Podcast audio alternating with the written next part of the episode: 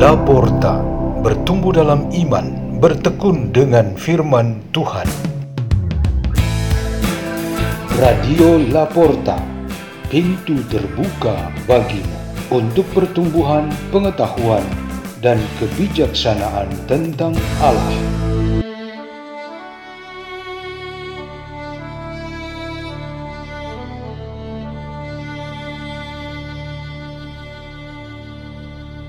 Bacaan dan Renungan Sabda Tuhan Hari Sabtu, Pekan Biasa ke-32, tanggal 13 November 2021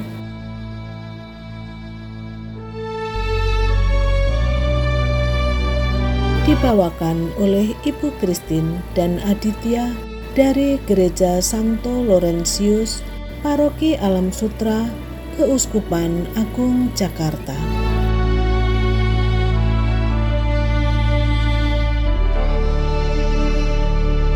Inilah Injil Yesus Kristus menurut Lukas bab 18 ayat 1 sampai 8. Pada suatu ketika, Yesus menceritakan suatu perumpamaan kepada murid-muridnya untuk menegaskan bahwa mereka harus selalu berdoa dengan tidak jemu-jemu. Ia berkata, "Di suatu kota ada seorang hakim yang tidak takut akan Allah dan tidak menghormati siapa pun. Di kota itu ada pula seorang janda yang selalu datang kepada hakim itu dan berkata, Belalah aku terhadap lawanku. Beberapa waktu lamanya, hakim itu menolak. Tetapi, ia kemudian berkata dalam hatinya, Walaupun aku tidak takut akan Allah dan tidak menghormati siapa pun, namun karena janda ini menyusahkan daku, baiklah, aku membenarkan dia, supaya jangan terus-menerus datang dan akhirnya menyerang aku.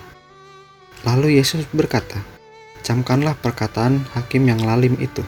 Bukankah Allah akan membenarkan para pilihannya yang siang malam berseru kepadanya, dan akankah ia mengelur-ngelur waktu sebelum menolong mereka? Aku berkata kepadamu, ia akan segera menolong mereka. Akan tetapi, jika anak manusia datang, adakah ia menemukan iman di bumi ini? Demikianlah Injil Tuhan.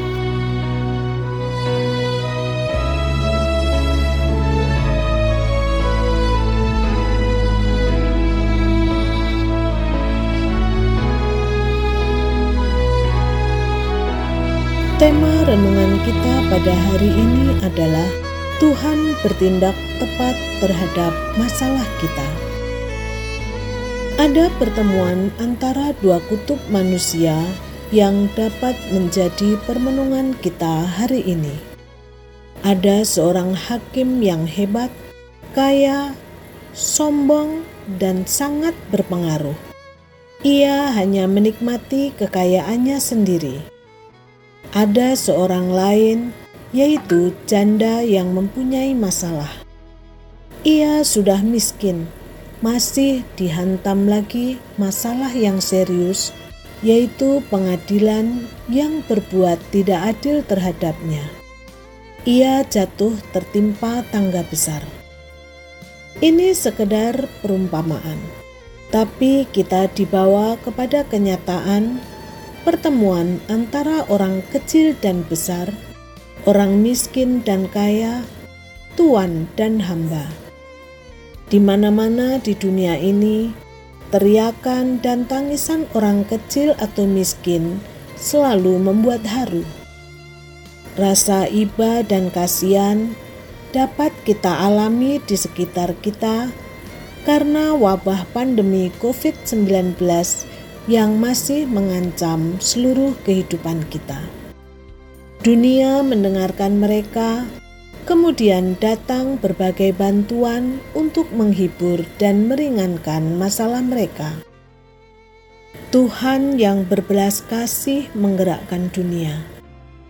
Pada hari ini, kita mengenal tindakannya yang tepat untuk mengatasi kesulitan manusia Tuhan bertindak cepat dan menjadi pembebas atas suatu masalah. Pertolongan diberikan kepada orang-orang yang tidak mempunyai dukungan, pembela, dan penopang. Janda di Naim yang anak lelaki tunggalnya meninggal dunia langsung ditolong oleh Yesus.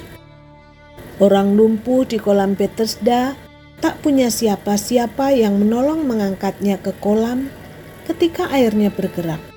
Namun, Yesus langsung datang menolongnya. Ini adalah contoh-contoh Tuhan yang bertindak tepat dan cepat. Banyak di antara kita yang mendapat mukjizat yang tepat dari Tuhan dalam kenyataan hidup yang berbeda-beda. Ada orang yang mungkin merasa belum mendapatkan pertolongan dari Tuhan. Sambil merasakan itu, mereka mulai membuat pandangannya sendiri-sendiri tentang Tuhan. Ada yang cukup sabar dan punya pengharapan besar akan datangnya pertolongan pada saat yang tepat. Ada yang sudah menyerah untuk berharap dan berdoa karena mereka menunggu sudah lama. Lalu mereka menjadi pasif dan apatis. Bahkan ada yang terpaksa marah-marah kepada Tuhan. Bisa jadi faktor ketepatan waktu yang pas itu belum ada. Mengapa belum ada? Karena masih ada sesama di sekitar yang bisa membantu. Tuhan sedang menggunakan orang-orang di sekitar, seperti anggota keluarga, teman, sahabat, pemerintah, juga anggota masyarakat agar ada kepekaan dan kesadaran mereka untuk membantu. Banyak sekali rasa sosial dan kepekaan itu menjadi tumpul, padahal pertolongan yang paling dekat mestinya datang dari sana. Pertolongan itu pada dasarnya bersumber dari Tuhan sendiri. Manusia dipakai oleh Tuhan untuk menjadi penolong bagi sesamanya yang menderita. Marilah kita berdoa. Dalam nama Bapa dan Putra dan Roh Kudus. Amin. Ya Tuhan, berilah kami kemampuan yang cukup agar kami dapat menjadi para penolong yang baik dan bertanggung jawab bagi sesama kami yang menderita kemuliaan kepada Bapa dan Putra dan Roh Kudus, seperti pada permulaan, sekarang, selalu, dan sepanjang segala abad.